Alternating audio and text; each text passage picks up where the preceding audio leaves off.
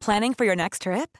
Elevate your travel style with Quince. Quince has all the jet setting essentials you'll want for your next getaway, like European linen, premium luggage options, buttery soft Italian leather bags, and so much more. And is all priced at 50 to 80% less than similar brands. Plus, Quince only works with factories that use safe and ethical manufacturing practices. Pack your bags with high-quality essentials you'll be wearing for vacations to come with Quince. Go to quince.com/pack for free shipping and 365-day returns. Since 2013, Bombas has donated over 100 million socks, underwear, and t-shirts to those facing homelessness. If we counted those on air, this ad would last over 1,157 days. But if we counted the time it takes to make a donation possible, it would take just a few clicks. Because every time you make a purchase, Bombas donates an item to someone who needs it. Go to bombas.com slash ACAST and use code ACAST for 20% off your first purchase. That's bombas.com slash ACAST, code ACAST.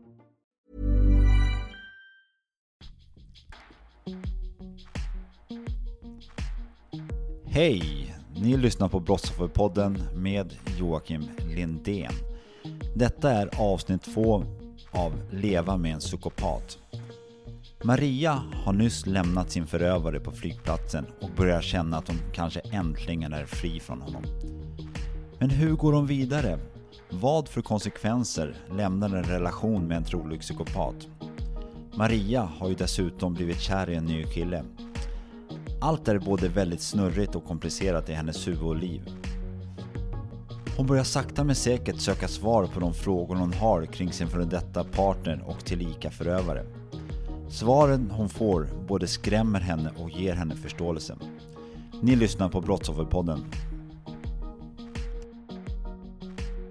Ja, jag förstår det. Det gick ändå ganska snabbt på slutet eller? Det var det, det var par som en veckor så här, från. ja. Det var, liksom, det var som att det sattes igång någonting. I och med att jag blev kär och han fick veta, då var det liksom som att allting bara som en, ja, en rörelse som bara Tänkte du fortsatte. mycket på din blivande sambo som då var Mm. under den här tiden också? Här, när, när väl han var i London, tänkte du att du måste ta kontakt med honom eller var det en bara grej som dök upp sen? Nej, utan jag pratade med honom samma kväll och sa att nu har han åkt. Han har fasiken åkt. Eh, och han var så här, men hur mår du? Och jag var så här, nej jag mår inte så bra. Jag mår inte bra alls faktiskt. Jag, var så, alltså, och där, jag förstod ju inte, jag förstod inte alls att jag hade varit så psykiskt misshandlad. Jag förstod inte alls att jag var så, så trasig. Eh, det tog ju jättelång tid innan jag fattade alltså, vad jag hade gått igenom och att jag var som att jag hade varit i en sekt. Alltså som en liten robot. Jag fattade ingenting av det. Så jag, då, där och då var det mer så här, jag får andas igen. Att han inte är där. Jag kan försöka fundera ut vad jag ska göra med allt. För att jag, bara, jag är kär i en, en person här och jag är helt liksom uppåt väggarna. Jag fattar ingenting. Så jag var ju så här, jag måste bara få rätt på mitt liv lite. Så det var mera det. Det var inte så här, jag vet inte, det var jättekonstigt. Eh, fortfarande lite suddigt. Ja, men jag förstår, det förstår jag verkligen. Men började du strukturera, strukturera saker när han var borta de här veckorna? Och Ja. Jag antar att han dök upp sen och allt skulle vara normalt igen? Eller? Nej, det som hände var ju att han, jag var ju så här, jag måste få honom att stanna i London så länge det bara går. Eh, för att om han kommer tillbaka så börjar det om igen. Och det är det viktigaste. Så att jag var verkligen så här jättesnäll och han bara, jag måste få ringa dig varje dag. Eh, för att jag mår så dåligt i det här nu och jag, får inte jag prata med dig kommer jag ta livet av mig. Han körde det kortet och då fick jag så dåligt samvete. Jag bara, men okej, men jag pratar med honom på morgonen och på kvällen. Han bara, men jag, kan du ringa mig vid lunch också? Jag behöver det med. Och jag var så här, jag kan inte ringa honom tre gånger om dagen. Så till slut var jag så här, nej men nu får du liksom, ja. Eh, men det som hände sen var ju att han hittade en av våra gemensamma vänner som han då åkte hem till. För han blev ju då, han fick inte vara kvar i London för de började ledsna på honom. För han sa väl att jag kommer bara stanna en helg. Och sen så precis som han gjorde med mig typ. Och så tog det ju tre veckor innan han ens ja, lämnade dem. Så till slut så fattade jag det som att de hade kastat ut honom i princip. Ehm, och då hade han hört av sig till den här vännen som jag också känner nu. Alltså, vi har ju pratat om det efterhand. Och hon var ju så här, ja han skulle också bara komma en helg. Och jag hade inte min dotter just den helgen så då tänkte jag att det passar väl bra. Han mådde jättedåligt jag tänkte att jag skulle hjälpa honom lite liksom. Ja, Ja, du ser. och det var ju också, han var ju kvar där i flera, jag vet inte hur många veckor det var liksom. Till slut, hon, hon kastade ut honom till slut. Men, så att han, han förstod ganska snabbt att han hade tappat mig tror jag. Så att han försökte köra någon survival mode och hitta de här nya personerna. Och varav då nummer, jag tror var nummer fyra var Linda. Som Ja, jag driver podden med. Ja, jag Ja. förstår. Intressant. Men då har du också börjat träffa den andra killen och, och du, alltså, du ja, får älska och bli älskad på ett sunt sätt. Vad är den största skillnaden mellan det och de här andra elva åren? Alltså det, som, det första var ju bara att jag, det vart ju liksom, allting var så himla overkligt. Det var så att det här, sånt här, det här, det här är inte på riktigt, någonting av det. Men sen ganska fort så började jag ju märka hur trasig jag var för jag började få mardrömmar. Den här PTSD började ju kicka in ganska så snabbt. Så att jag började ju bli, jag började må riktigt dåligt. Jag bara kände så här, men nu borde ju jag må bra. För att jag har ju lämnat den här snubben och han verkar ju ändå liksom ja, inte komma tillbaka i första taget. För sen fick vi ju lite samtal där jag berättat innan om vapnen och lite sånt där skit. För folk som hörde av sig. Och att jag förstod att han, för han hade, ju, han hade hört att vi hade börjat träffas, jag och killen på kontoret. Och då var han ju arg. Självklart. Eh, det var det jag absolut inte fick göra. Jag fick absolut inte göra någonting sånt överhuvudtaget. Men jag hade gjort det. Ehm, men det gjorde också att det här triggade, jag vet inte vad som egentligen liksom, när det började. Men jag märkte att jag kunde inte sova på nätterna. Jag hade de här riktiga drömmardrömmarna som på tv. Du vet, när man vaknar upp i sängen och bara skriker rakt ut. Och man fattar inte vart man är. Det är liksom den nivån. Eh, och jag blev sämre och sämre och sämre och sämre och sämre. Och där fick jag inte säga, jag är kär nu. Visst, vi springer runt lite här på hotell och gömmer oss för att vi vet inte om vi ska bli dödade. Det är kanske inte jättenaturligt. Men ja, å andra sidan, jag hade ju levt i en sån konstig relation så länge så det var inte jättekonstigt för mig. Men det som var konstigt var ju att jag började må så jäkla dåligt. Och då fattade jag inte hur kan det vara så? Jag tyckte det var så hemskt orättvist. Sökte du någon hjälp för det? Eller? Det var då jag började säga jag måste prata med sån här kvinnojour.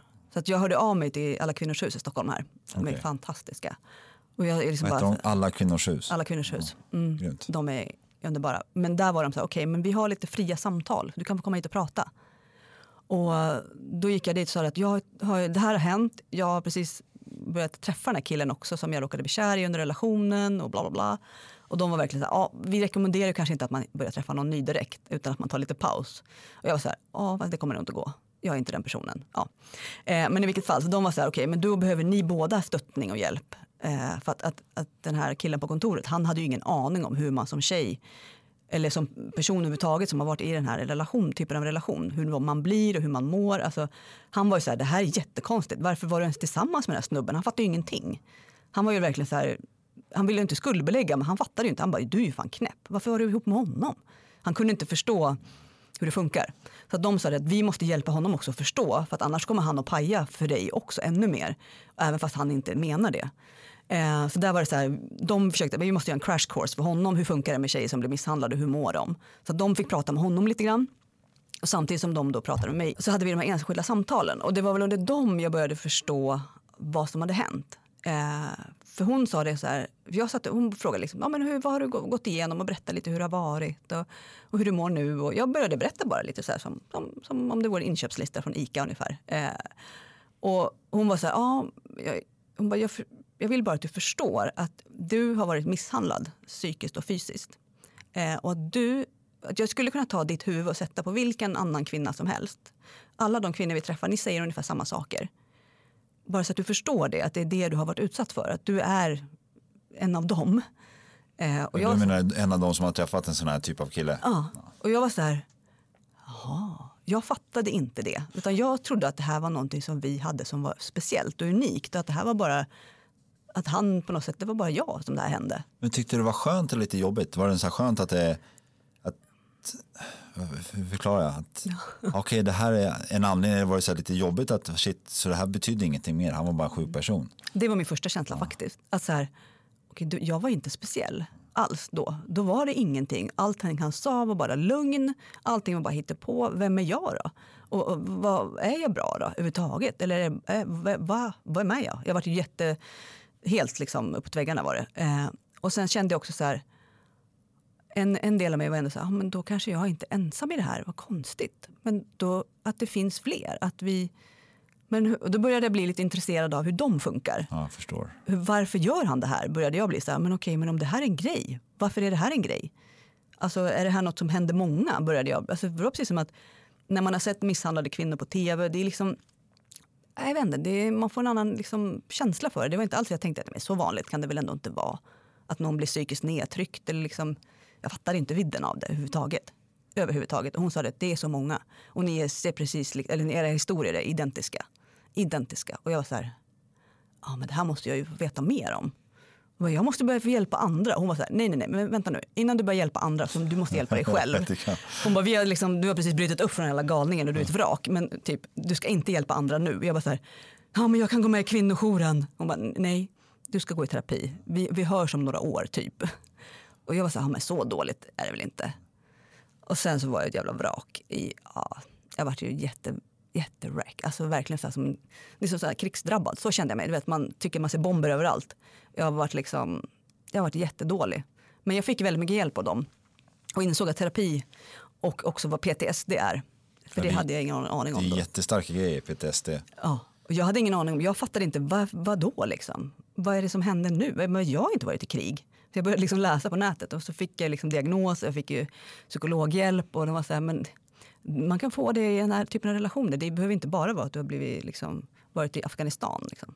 Men fick du så här gruppsamtal också eller med flera? Nej, utan jag gick bara enskilda. Eh, och sen var det mycket vanlig KBT också som inte bara var PTSD. För de sa att när man är precis mitt i någonting så behöver det ibland få klinga av innan du kan börja bearbeta det. För att kroppen behöver liksom tid också att läka sig själv. Man kan inte gå in för tidigt och börja jobba med det utan man behöver tyvärr, det är som när någon måste in i någon slags orkan. Ja, och sen exakt. kan man börja jobba med det lite. Och så få sig nya tankar och handlingar sakta men säkert. Mm. Omprogrammera sig. Precis, så att man kan inte spida på. För jag var väldigt så här, men gud jag måste fixa mig själv nu. Men hon bara, det är, ah. Så att nu är det ju fortfarande, nu som sagt det är ju snart sju, ja, det är sju år. Och jag går fortfarande i behandling på vissa grejer sju år efter. För jag har känt att vissa saker, så, ja, men det där är fortfarande fasiken kvar. Jag måste fixa det liksom. Vad var värst i början om man säger? Vad var det, typ, det, precis, när, precis när jag kom ifrån den här killen och kanske, vi säger ett halvår. Vad var det värsta? Alltså det var ju mardrömmar och flashback, alltså flasharna. De var alltså vidriga. Och mardrömmarna var ju så, de var ju så fruktansvärt verkliga. Så att jag, när jag vaknar så är ju han där. Och jag får inte sova på nätterna överhuvudtaget för att han är ju där hela tiden, dygnet runt. Och på dagarna så fick jag liksom flasha, jag kunde stå och prata med någon. Och plötsligt var det som han tog tag i mig och liksom rörde mig. Och det var så här, "Va- är han här liksom? Så att jag var ju extremt jag vågade ju inte liksom knappt gå någonstans. Jag kände ju att jag, han, han kommer komma nu. Nu, nu, är det liksom, nu är det kört. Så att det är den här liksom nästan paranoian som blev. Eh, och att han kändes närvarande. Det var så här, jag, han har ju, jag, jag har ju lämnat honom, han är inte här. Men ändå så var det precis som att han var i min säng. Ja, Han låg där på nätterna, ty, typ. Han, flytt, han har flyttat in i ditt huvud typ. Igen. Så, ja. Och jag kände att jag kommer bli galen om jag inte slutar drömma mardrömmar. För det var liksom, och det var ju samma sak som loopade. Det var ju som att de här filmerna när det är liksom måndag hela veckan. Någon bara liksom går och lägger sig. Samma sak om och om igen som loopar. Så jag kände jag kommer bli tokig. Ehm, och de knäckte ju mig ganska rejält. För jag kände att jag kommer inte kunna bli normal om jag inte får sova. För han gjorde ju så att jag inte fick sova när vi var i relationer. Men nu får jag inte sova på grund av att jag drömmer mardrömmar. Så att det var så här, det här är ju ett skämt. Jag kan ju sova gott om han bara inte är i mitt huvud. För han är inte här. Så det vart... Jag var så här, jag måste ju typ börja knarka. Jag kommer inte få bort honom. Det var liksom där jag började bli desperat. Ehm, så där någonstans så var det så här, men jag måste försöka hitta svar på det här. Och då fick jag liksom fokuset med podden. Ah, okej. Det var egentligen, för jag var så här, jag måste, vad är det som händer med människor? Varför blir det så här? Men din sambo, fick han hjälp också? Du sa Ja. att han började prata och han började få mer förståelse varför. Ja, och de hade lite samtal på eh, Alla kvinnors hus. De sa att vi brukar inte prata med män det så mycket, men vi vill gärna hjälpa er. Liksom. Eh, och då visade de lite handlingskraftiga saker, hur vad verkligen funkar liksom, i manipulation, hur det funkar och hur det bryter ner och lite liksom så att den här skuldbeläggningen skulle, inte skulle bli. I och med att han var så här, men hur fan kunde du vara med den där jävla galningen? Du, du måste ju vara knäpp, typ. Alltså, ja, fast om man är riktigt jävla hjärntvättad så är inte det så svårt. Nej, alltså jag gjorde en annan intervju för ett tag sedan och Mm. då, jag döpte till och med avsnittet när pojkvännen blir en drog. För att i mitt fall som är en gammal missbrukare så, så det var så likt att gå tillbaks, Mm. gå tillbaks och göra mot sig själv fast man vet att det inte är bra. Men hur, vad tycker du är värst idag då? Först var det mardrömmarna, Mm. idag? Idag, mardrömmarna har ju klingat av och jag har gått i mycket sån här traumabehandling som man kallar det. Och då har man ju liksom gått in i mardrömmarna och beskrivit dem och berättat dem om och om, och om igen och fått lyssna på sig själv när man pratar om mardrömmarna så att de blir liksom som ens vänner till slut.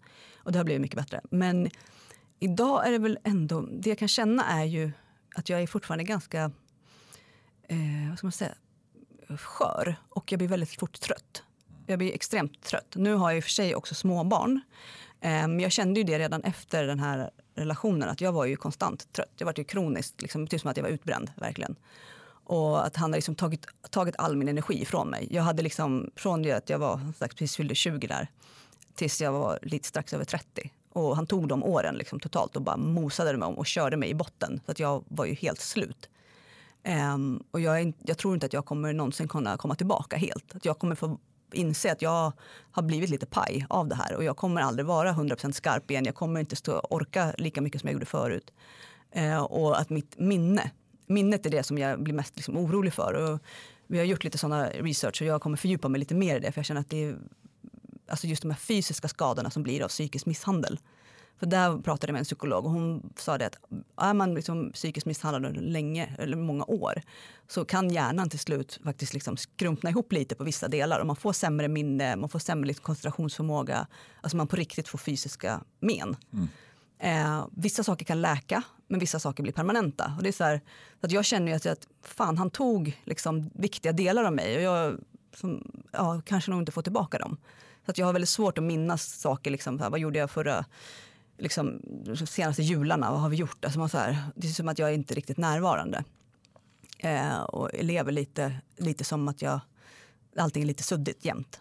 Jag fattar. När var det sista gången du hörde någonting från honom?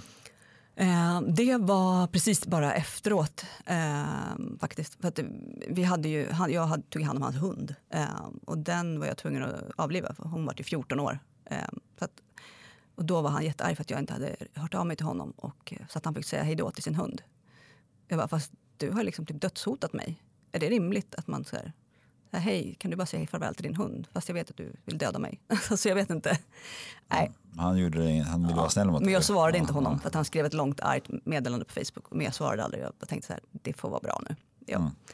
Och sen tror jag att han förstod att det var nog ingen idé.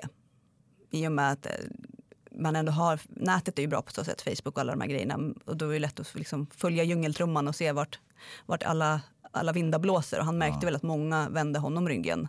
Och jag så, var ju väldigt noga med att jag ville absolut inte prata dåligt om honom. Jag var så här, jag kommer inte prata ner dig utan jag, jag vill vara en bra, fortfarande en bra soldat. För han var väldigt noga med att men du får inte göra mig ful när du har lämnat. Gör mig inte ful vad du än gör. Liksom. Och jag var så här, nej men det vill jag inte göra. Jag vill inte göra dig ful. Det är inte du värd. Ja, du ser. Ja, så att jag var väldigt noga med det. Men folk började ändå förstå, lägga ihop pusslet. Och många var verkligen så här, men gud, han var ju en jävla galning, det visste vi. Um, så att jag tror att han märkte ganska snabbt att det var nog ingen mening. Att han måste hitta nya marker och nya offer. Jag önskar att, typ att eh, under de här elva åren att någon hade sett mer, eller någon hade försökt mer utifrån. Ja, men jag tror, det jag önskar nästan mest det är att jag själv hade sparat mer bevis. Okay. För då hade jag kunnat sätta, i, sätta åt honom ordentligt. Det känner jag är väl det, min största sorg i det här att jag inte förstod för att jag inte hade kunskap. Det är inte så jävla konstigt. Men jag blir lite arg på mig själv idag. Men det är fan inte konstigt att man inte kan det. Man ska inte behöva lära sig sånt. Hur sparar man bevis och hemlighåller som en jävla spion? Liksom. Nej, det... det är helt absurt att man ska ja. behöva tänka så. Ja, men jag blir arg idag för att jag hade så gärna velat liksom, att han skulle få ett straff. Och det fick jag inte han. Utan åtal, allting bara lades ju ner i brist på bevis. För de var så här, ah, för jag hade liksom någon suddig bild på någon röd kind. Alltså jag hade liksom några anteckningar, några arga sms. Men han var väldigt noga med att man inte skulle liksom, han ville prata allt personligt, face to face. För att då sparas ju ingenting. Liksom. Men du gjorde med när du kommit ifrån honom? Liksom. Ja, jag gjorde det. För jag var så här, jag har nog blivit utsatt för ett brott ändå. Kände jag sådär efter, det tog ändå ett litet tag innan jag bara så här, wow, jag måste nog ändå anmäla honom. För det här är ju inte okej. Han har ändå slagit mig och han har ändå liksom, ja men du vet alla de här grejerna. Så jag var ändå så här, men jag ska nog anmäla. Men det första var ju att jag visste inte, vad skulle jag ringa? Ska man ringa 112 om man anmäler någon? Jag bara, nej men det ska man om man ska inte störa dem där. Alltså jag visste inte ens hur man gjorde. Så jag bara, okej, okay, så jag ringde 114 114 och bara, jag tror att jag har blivit ut... så här. De var ju så här, okej, okay, vi ska nog hjälpa dig här. De märkte att jag hade ingen koll. Och polisen jag träffade, han var ju verkligen så här, ja men du måste förstå att det är lite svårt när det bara är ord mot ord. Och visst, självklart ska vi ta din anmälan, och, men var inte, hoppas inte för mycket. Du vet, var väldigt så här, jag bara, hur kändes det att höra så? Var det så att du kände att det var typ nedförsbacke på en gång? Eller ja, jag kände bara att det här är kört. Och han var så här, det är inte det att jag inte tror dig. Det är inte det jag menar. Men ditt case är liksom för tunt. Jag bara, fan. Jag har ändå haft 11 år på mig att samla skitmycket bevis egentligen. Men jag hade, inte, jag hade inte hjärnan till det. Jag visste inte var jag skulle börja. Och sen var det att varje gång man sparar någonting, han hade ju koll på alla mina devices. Alla min dator, min telefon. Var skulle jag lägga grejerna? Så det är väl det jag funderar lite idag på. Så här, vad, hur kan vi hjälpa dem som vill komma undan med bevis och spara bevis någonstans för att inte förövaren hittar skiten. För det är det man känner, för att jag var ju livrädd. Varenda liten anteckning som så där, fredag den tionde blev jag mordhotad. Det vågar man inte skriva. Nej. Så kan man hitta det liksom. Jag får mig att det är någon här, jag läste någonstans eller hörde att söker man på kvinnojouren så ska inte det sparas i. Nej, man kan rensa den. Liksom. Ja. Men precis. De har ju mycket sånt som man kan, och man kan ringa liksom, dit utan att det syns på. Men det är idag, det inte- gick inte. Nej men precis, det var ju ett tag sedan. Eh, och därför känner jag idag så skulle man ju också behöva liksom det här med att om jag har en bild, om jag kan ta ett foto på ett blåmärke så ska jag kunna skicka det någonstans så att någon bara kan spara det åt mig. För det är väl det, där får man ju försöka hjälpa, ta hjälp av vänner. Men är man i den situationen som jag var, då vill man, man vågar inte prata med en enda kompis. Man vågar inte prata med någon. Kanske om polisen hade haft någon hemlig jävla adress som jag hade kunnat skicka det till, då hade jag nog vågat. Men annars hade jag nog inte vågat heller. Så det är det som är så svårt. Att hur, hur gör man liksom? Så det är väl det jag kan känna idag som jag typ ångrar inom parentes. Lite intressant han, typ att han får dig att skuldbelägga, skum, skuld och skambelägga dig själv för att inte du har sparat bilderna för någonting han har gjort mot dig. Ja men lite så. Det- Det, det blir liksom, och det som händer är också att, att jag känner ju direkt i och med att allt han har sagt till mig under alla år och så känner jag mig direkt värdelös. Varför kunde jag inte ens göra det där bra liksom? Alltså det blir så här, allting blir bara en, det handlar hela tiden om att jag är den dåliga. Ehm, så att, men det jag kände i alla fall efter att jag hade gjort anmälan så kände jag ändå så här att men jag har ändå gjort en markering. Oavsett om det inte det blir någonting. Och kvinnojouren var väldigt så peppande och bara så här, men det viktigaste är bara att nu har du satt stopp. Att du liksom har visat honom i alla fall att nu är det inte längre, nu går det inte. Nu är det liksom verkligen För vi kan gå in på ett förhör, vet du det?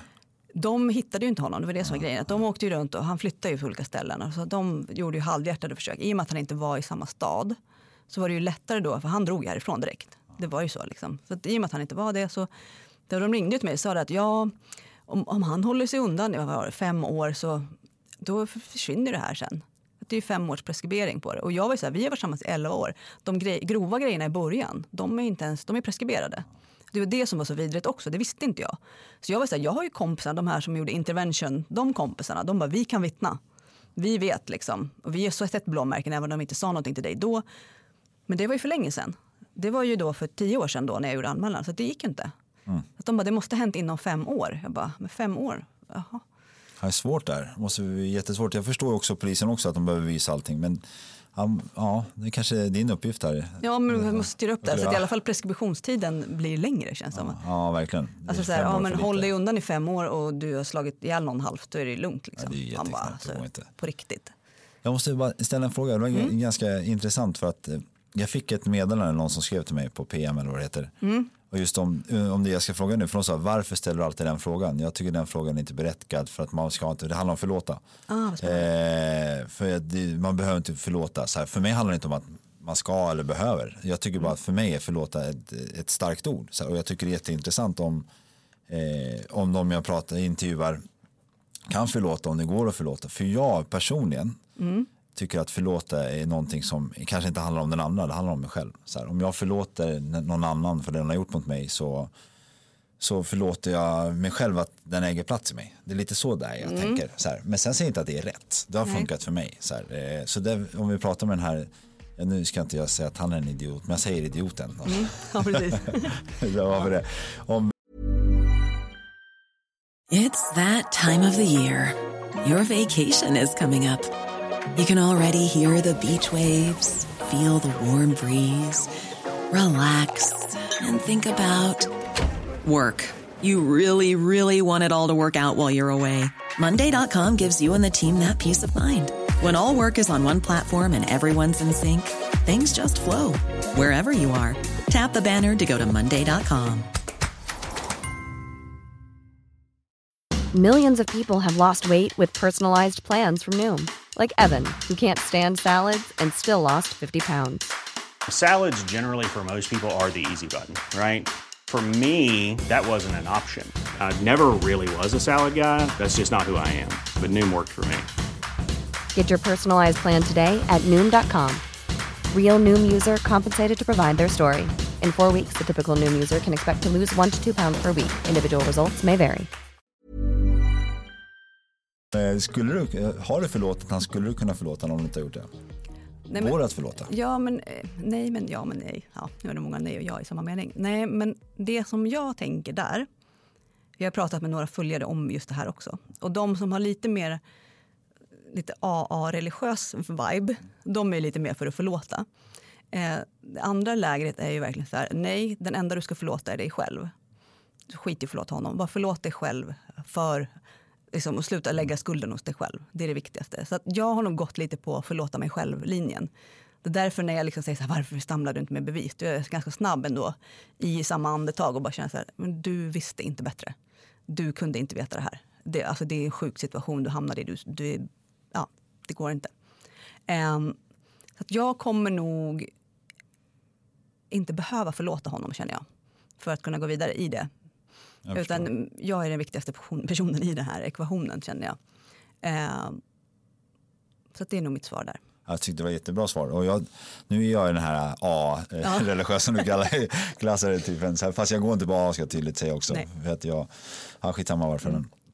Eh, men det är också för en själv. Mm. Det för mig det handlar. Alltså, nu har inte jag barn än, förhoppningsvis har det snart. Så här, om det är någon som skulle ha gjort någonting mot mitt barn så klart jag skulle få konstiga tankar mot den här personen. Mm. Men den skulle äga så mycket plats i mig. Jag är säker på att jag skulle kanske förlora mitt eget liv utan att vara död. Mm. Så därför tycker jag att det skulle vara ganska skönt om jag kunde förlåta personen. Fast det blir indirekt mig själv jag förlåter. Mm, jag fattar. Ja, så att sen, sen behöver inte den personen finnas i mitt liv. Nej. Lite sådär.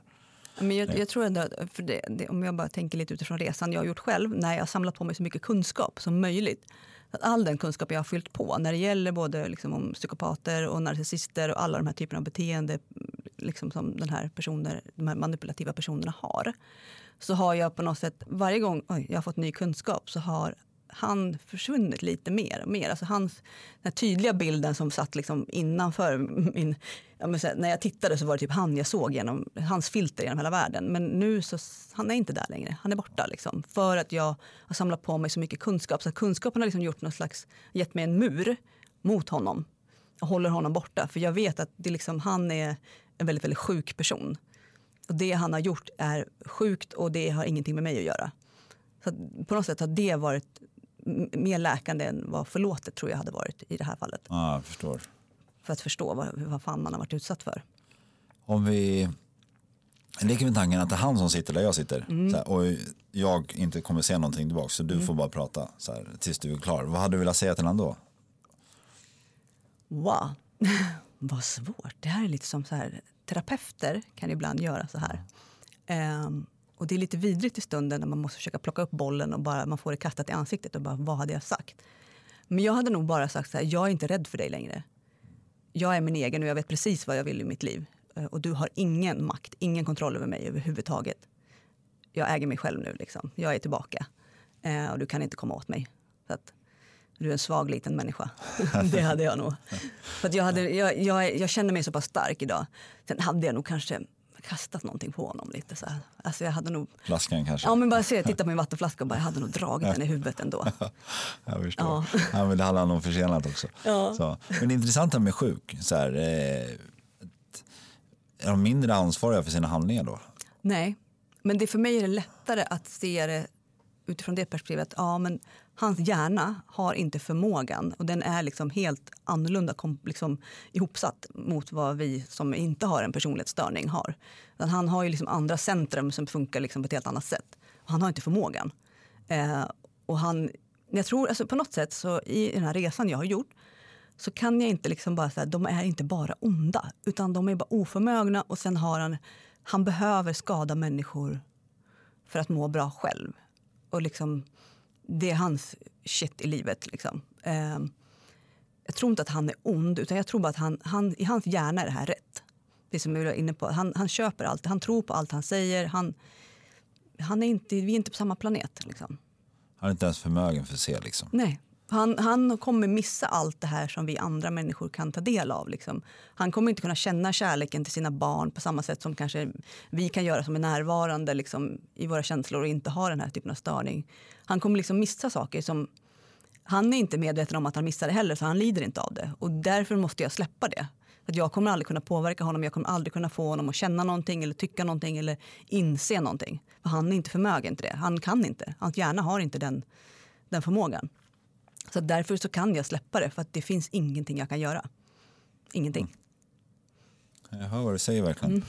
Eh, jag tänkte på, Jag tycker, jag sa alldeles nyss, jag är ju nykter genom en, to- en, en tolvstegsrörelse. En rörelse, hör du? Ja. ja, men jag är det och, och där lär vi oss eh, att det, det är ett problem med vårt känsloliv. Här, och det är det vi för, lite får, får kontroll på. Liksom. Och, så jag har snackat mycket om en, och man flyr ju oftast från känslorna. Här. Och då har jag pratat mycket om att jag tror inte en psykopat kan bli alkoholist och narkoman. Just på grund av att en psykopat kanske inte har så mycket känslor. Här är min e- egen, jag är Ja. lekman i det här. Ja. Så här eh, vad tror du om det? Tror du att en Alltså- psykopat kan bli alkoholist och narkoman? Och jag känner så här, jag är ju inte heller utbildad psykolog så jag vill ju inte heller säga någonting om det egentligen. Nu fick du frågan. Mm, nu fick jag ju frågan, så nu måste jag hitta på något eget svar här och spekulera lite. Eh, men om jag utgår ifrån förövaren, som, som den som har gett mig kunskap om det här ämnet, eh, så är de ju beroende av känslorna. De är beroende av andras reaktioner. Så att han knarkade ju mig på ett sätt. Han knarkade ju mina reaktioner. När jag var ledsen, när jag var arg, han knarkade det. Det gav ju honom kickar. Ehm, och han behövde liksom inte knarka så mycket annat för att det gav honom så himla mycket kul, det här han höll på med med mig. Så att jag tror att de till viss del absolut är missbrukspersoner.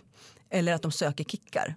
Men inte kanske att de går för att droger blir kanske lite för tråkigt i längden. Och då hamnar de också i, ett, i en situation där de inte håller kontroll. En människa kan de ju kontrollera och fortfarande vara vakna till 100 procent. Um, så det är min spekulation, vad jag tror. Ja, du har säkert jätterätt. Och jag ska säga om det är någon som lyssnar och tycker att jag har fel i mina antaganden och allting så får ni jättegärna skriva och kanske vi kan fixa en intervju om det. Vem vet. Men eh, vad, vad tror du att det, det största, vi, när, vi, när vi dök in här i studion så nämnde jag att jag gjorde test för det här och eh, narcissist och psykopater. Jag såg ett, enligt ett, eller det här testet som jag påstår vi säger ljuga. Men så har jag tydligen lite narcissistiska och psykopatiska drag. Så här, och då sa du, jag har har någonting, för jag har ju förflutet som är missbruk och kriminalitet. Så här, och, då sa du någonting. Så här, du kan, vad var det du sa? Ja, nej men det jag sa var jag har ju träffat olika psykologer och gjort intervjuer för våran podd. Ehm, och då sa ju till exempel då Monica som är jätteframstående eh, psykolog som älskar då att prata om och analysera psykopater och narcissister. Men hon sa det att de flesta kriminella har ju antisocial personlighetsstörning. Och den är ju en del av ett eh, vad ska man säga, personlighetsdrag som psykopaten har. Psykopaten har ju väldigt många av de här olika störningarna. Eh, men sen kan ju då, som narcissisten kan man ju kalla lite så här psykopat light.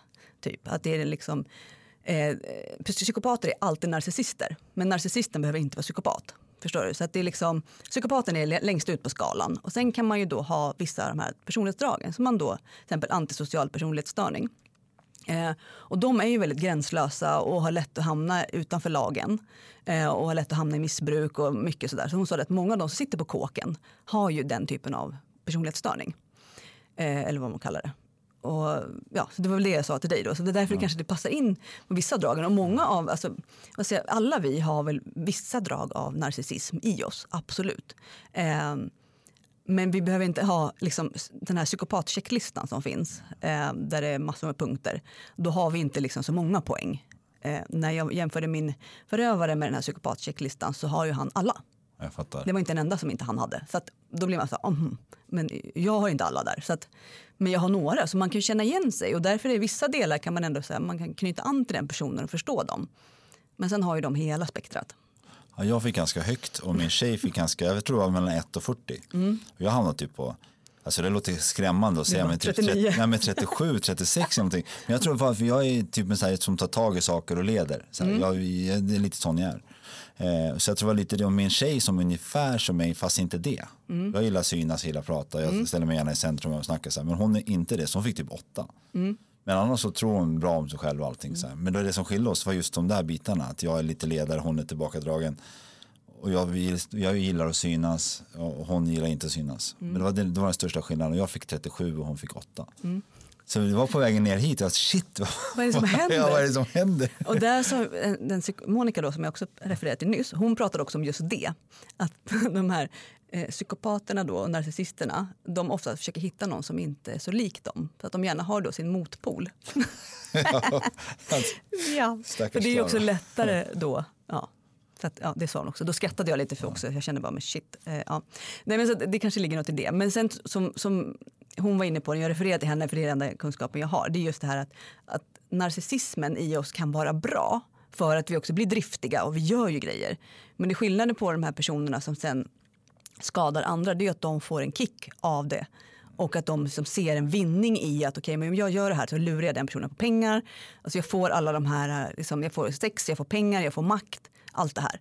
Eh, men jag skiter i om jag förstör andra människors liv. Så det finns ju de som är narcissister som fortfarande kan värna om ett annat liv och ändå känna att den här personen, jag vill inte skada den. Även om jag vill synas mest i det här rummet. Men det behöver inte vara på bekostnad av den personen. Ja, så det är väl där så du kanske inte ska Nej, få panik. De, de frågorna fick jag just om jag, typ, om jag mår dåligt när jag gjort något fel och det gör jag ju. Ja. Då kryssar jag i det.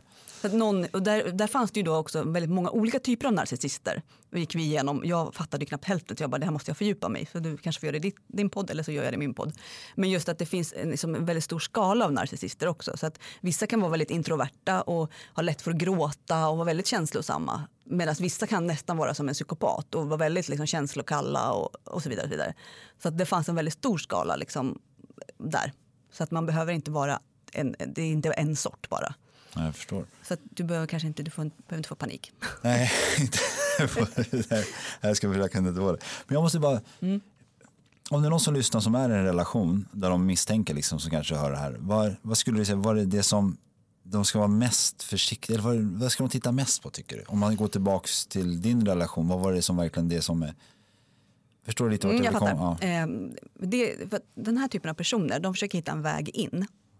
De försöker hitta en svaghet hos dig, ett sår som du kanske har. Du kanske har haft en dålig barndom eller du kanske har en, ja, någon relation som har varit jävligt pissig precis nyligen. Alltså, de försöker hitta liksom någonting som gör att de kommer in fort. Och sen så försöker de ge dig väldigt mycket uppmärksamhet. Så att de försöker liksom lägga fokus på dig och vad de kan hjälpa dig med och liksom försöker lyfta upp dig på ett det, det, kom, det, känns oftast lite overkligt. Det är för att det är en typ en del av deras taktik. Um, så att någon som fokuserar väldigt mycket på dig och ställer väldigt mycket frågor eller liksom försöker ta sig in på något sätt hos dig. Det är liksom ett varningstecken. Samtidigt som de också själva gärna gillar att prata om sig själva väldigt mycket och berättar vad de är bra på och hur mycket de kan hjälpa dig och mycket sådana saker.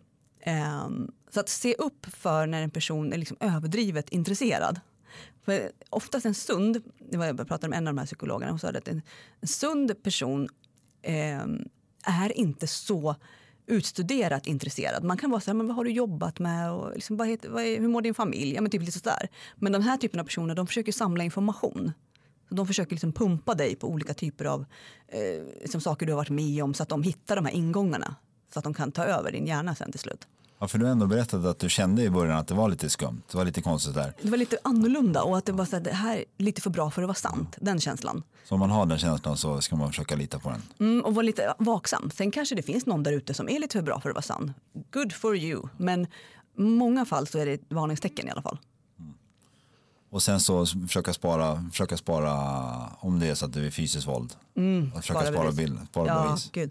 Och försöka ha någon, hitta någon, det kan vara någon kvinnojour, vad som helst, eller mansjour, vissa är, män är också utsatta för det här. Eh, men någon nyckelperson som du litar på som kan hjälpa dig och kanske kan hjälpa dig att spara bevis och spara liksom konversationer. Och försök få den här förövaren att prata på mail och sms.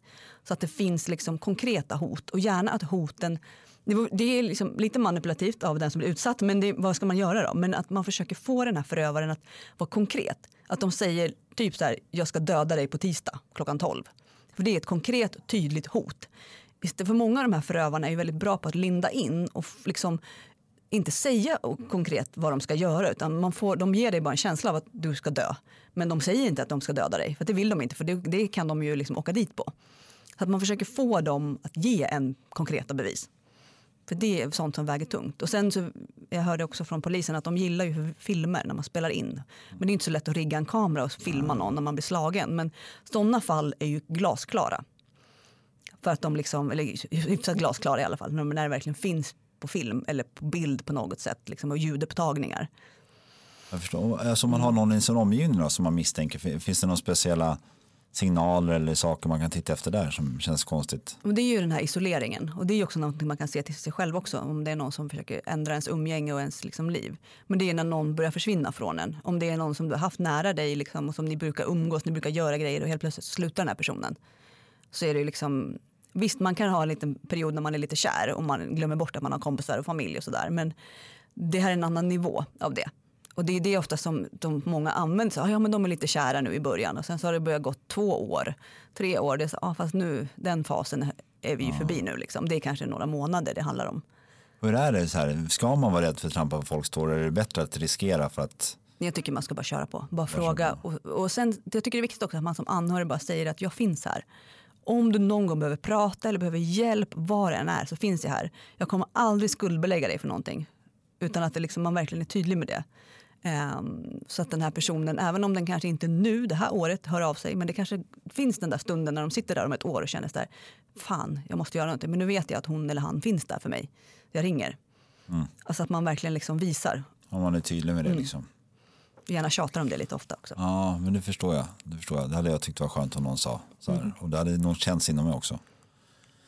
Alltså jag tror jag börjar få slut på frågor. Gud vad trevligt. Ja, jag tycker det. Tack. Var jag så tråkig? Nej.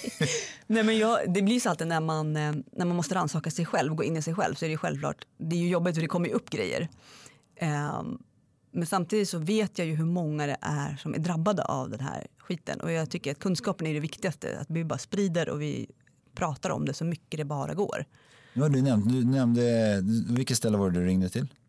Alla kvinnors hus. Alla kvinnors hus. Finns det några andra ställen du kan rekommendera och veta om idag? Ja, men det finns ju till exempel, nu är det ju mycket kvinnogrejer här, men de är ju väldigt, väldigt ofta utsatta. Men det är ju liksom som kvinnofridslinjen, den är ju, där kan man ringa och prata med någon och de är ju hands-on, men det är också anonymt.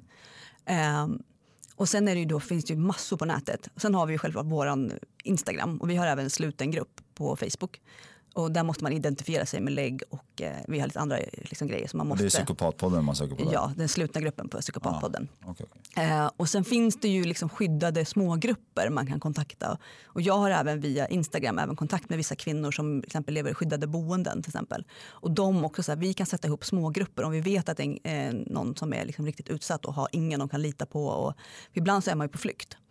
Um, och när det kommer till, till, grabbar så finns det också även mansjourer och det finns ju olika sådana. Uh, men det är ju tyvärr inte lika utbrett Nej, eftersom att det inte är lika många drabbade. Men uh, det finns väldigt mycket och framförallt tycker jag det är viktigt att man försöker samla på sig kunskap och försöka hitta en nyckelperson som kan i alla fall stötta och hjälpa en och ge en jävligt mycket energi. För man behöver energi för man är ofta helt, helt slut och så trött och slutkörd från den här liksom misshandeln, den mentala. Så att man behöver folk som liksom kan boosta och hjälpa och att man får sova och äta och ja, palla liksom.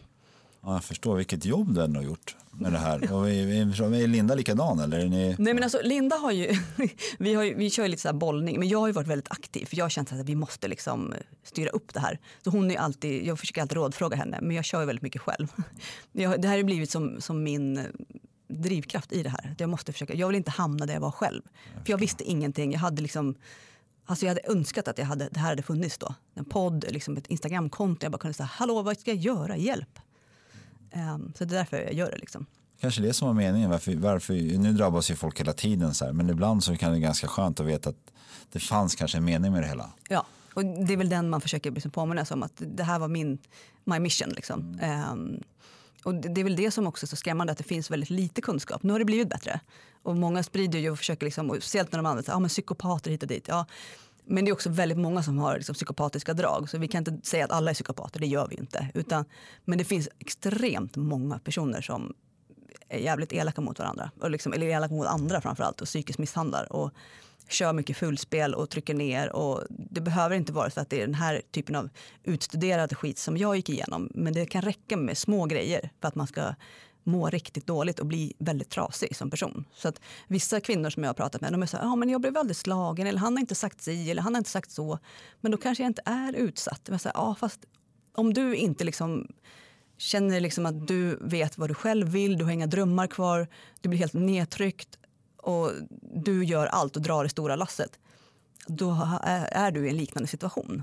Ja, jag tror också bara att man får en, får man en tanke man hör, om en person får en tanke på att någonting som är knas eller fel så betyder det ofta att man känt ganska länge att någonting är knas eller fel. Så. Jag brukar säga så här, om ni kontaktar podden ja. eller kontaktar mig på Instagram eller och tycker att många av våra inlägg stämmer, då har du svaret. Liksom. Ja, exakt. Mm.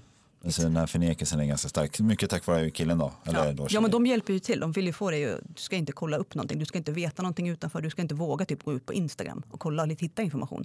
De vill ju inte att du ska lära dig saker om det här heller. Så det är det, liksom, så att därför måste vi här, hur hittar vi olika kanaler för att nå ut? Så att kunskapen når de här som blir isolerade.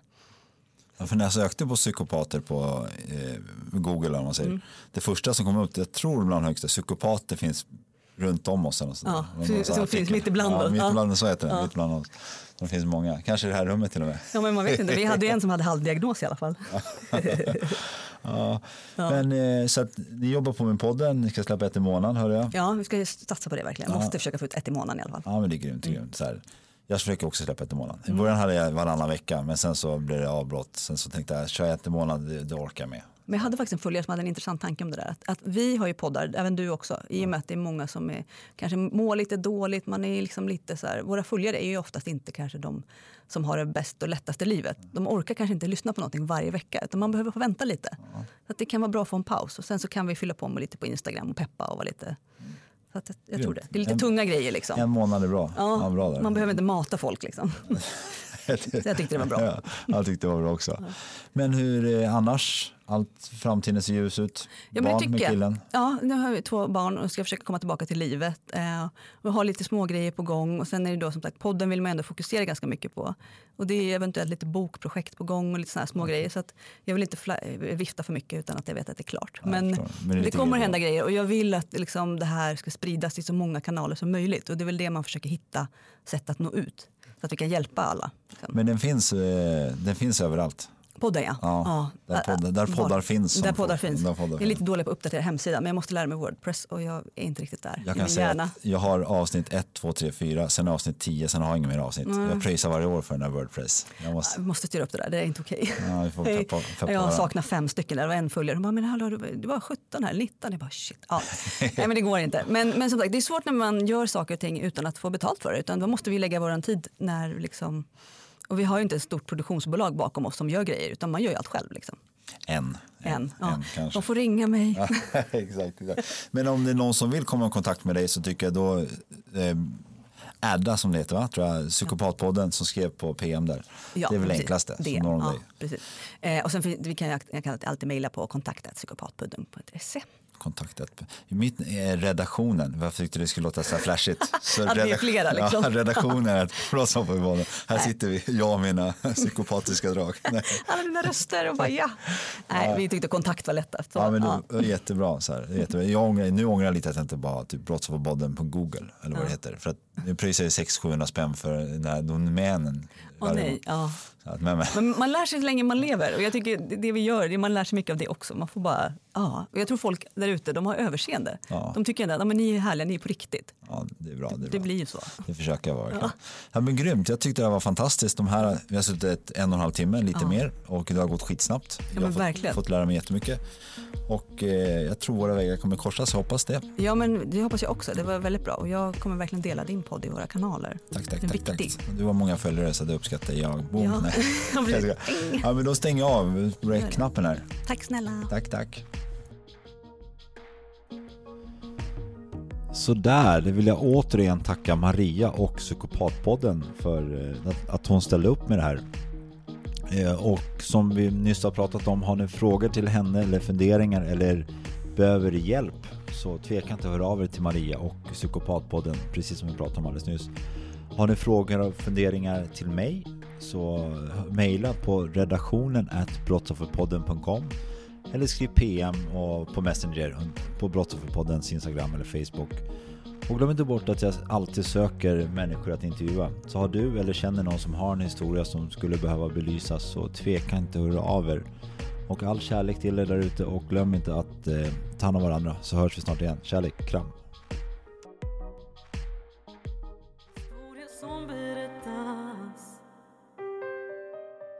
Satt sina spår Finns ingen skam att känna. Men den känns ändå. Känn dig aldrig ensam Med minnen du bär på. Det är inte din skuld att bära. Jag hoppas du förstår, för skulden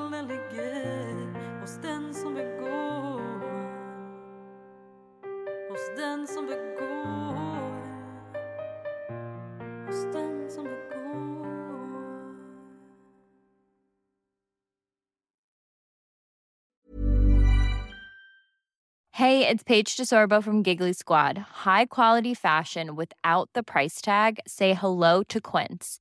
I'm snagging high-end essentials like cozy cashmere sweaters, sleek leather jackets, fine jewelry, and so much more. With Quince being 50 to 80% less than similar brands. And they partner with factories that prioritize safe, ethical, and responsible manufacturing. I love that. Luxury quality within reach. Go to quince.com slash style to get free shipping and 365 day returns on your next order. Quince.com slash style.